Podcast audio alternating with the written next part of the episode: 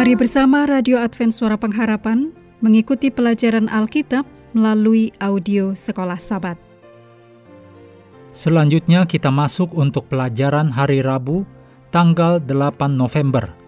Judulnya, Yang Telah Kamu Salibkan.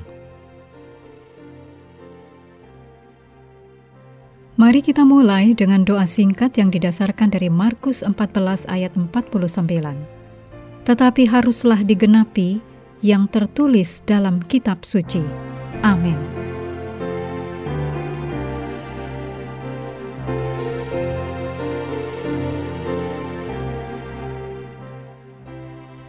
Kisah para Rasul 2 mencatat tentang kecurahan Roh Kudus pada hari Pentakosta. Ketika pengikut-pengikut Yesus sedang berdoa, lidah-lidah api hinggap di kepala mereka. Mereka mengetahui bahwa kuasa yang dijanjikan, yaitu Roh Kudus, telah diberikan. Dalam kisah para Rasul 2 ayat 1 sampai 41 disampaikan bahwa sebagai hasil dari menerima Roh Kudus di hari Pentakosta, para murid mulai berbicara dalam bahasa-bahasa yang lain, seperti yang diberikan oleh Roh itu kepada mereka untuk mengatakannya.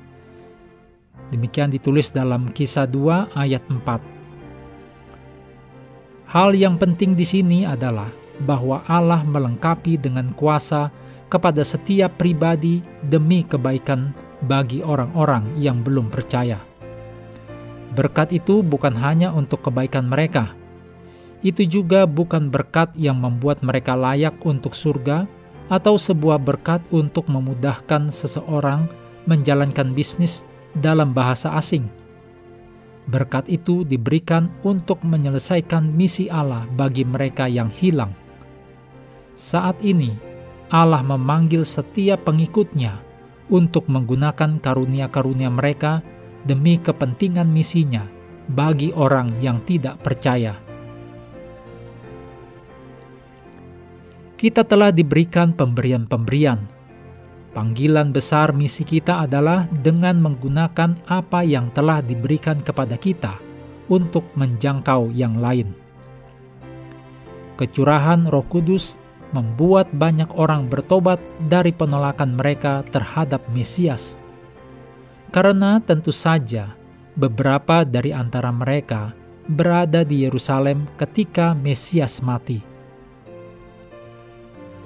Pikirkan tentang betapa berkuasanya Injil saat Petrus mempersalahkan sebagian dari mereka karena telah menyalibkan Kristus. Pastinya, mereka menyadari apa yang mereka telah lakukan. Setelah diyakinkan, mereka berseru, "Apakah yang harus kami perbuat, saudara-saudara?" Demikian ditulis dalam Kisah 2 ayat 37. Namun, mereka pun dapat menerima pengampunan.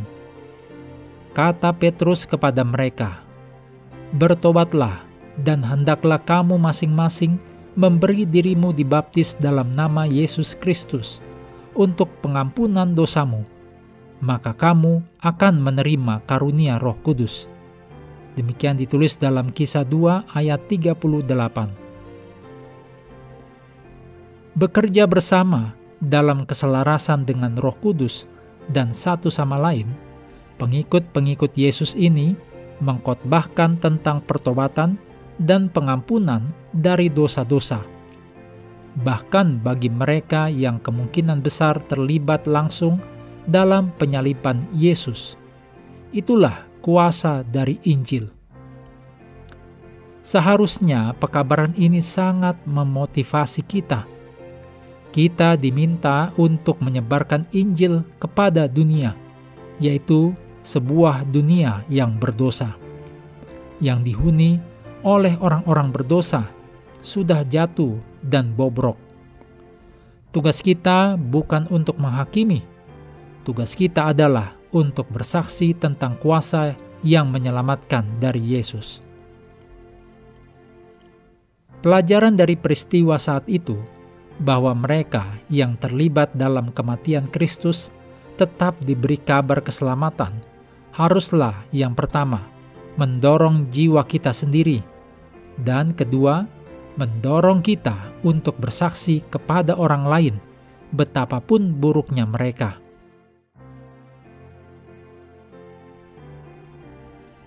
Mengakhiri pelajaran hari ini, mari kembali ke ayat hafalan Lukas 24 ayat 44. Ia berkata kepada mereka, Inilah perkataanku yang telah kukatakan kepadamu ketika aku masih bersama-sama dengan kamu, yakni bahwa harus digenapi semua yang ada tertulis tentang aku dalam kitab Taurat Musa dan kitab nabi-nabi dan kitab Mazmur.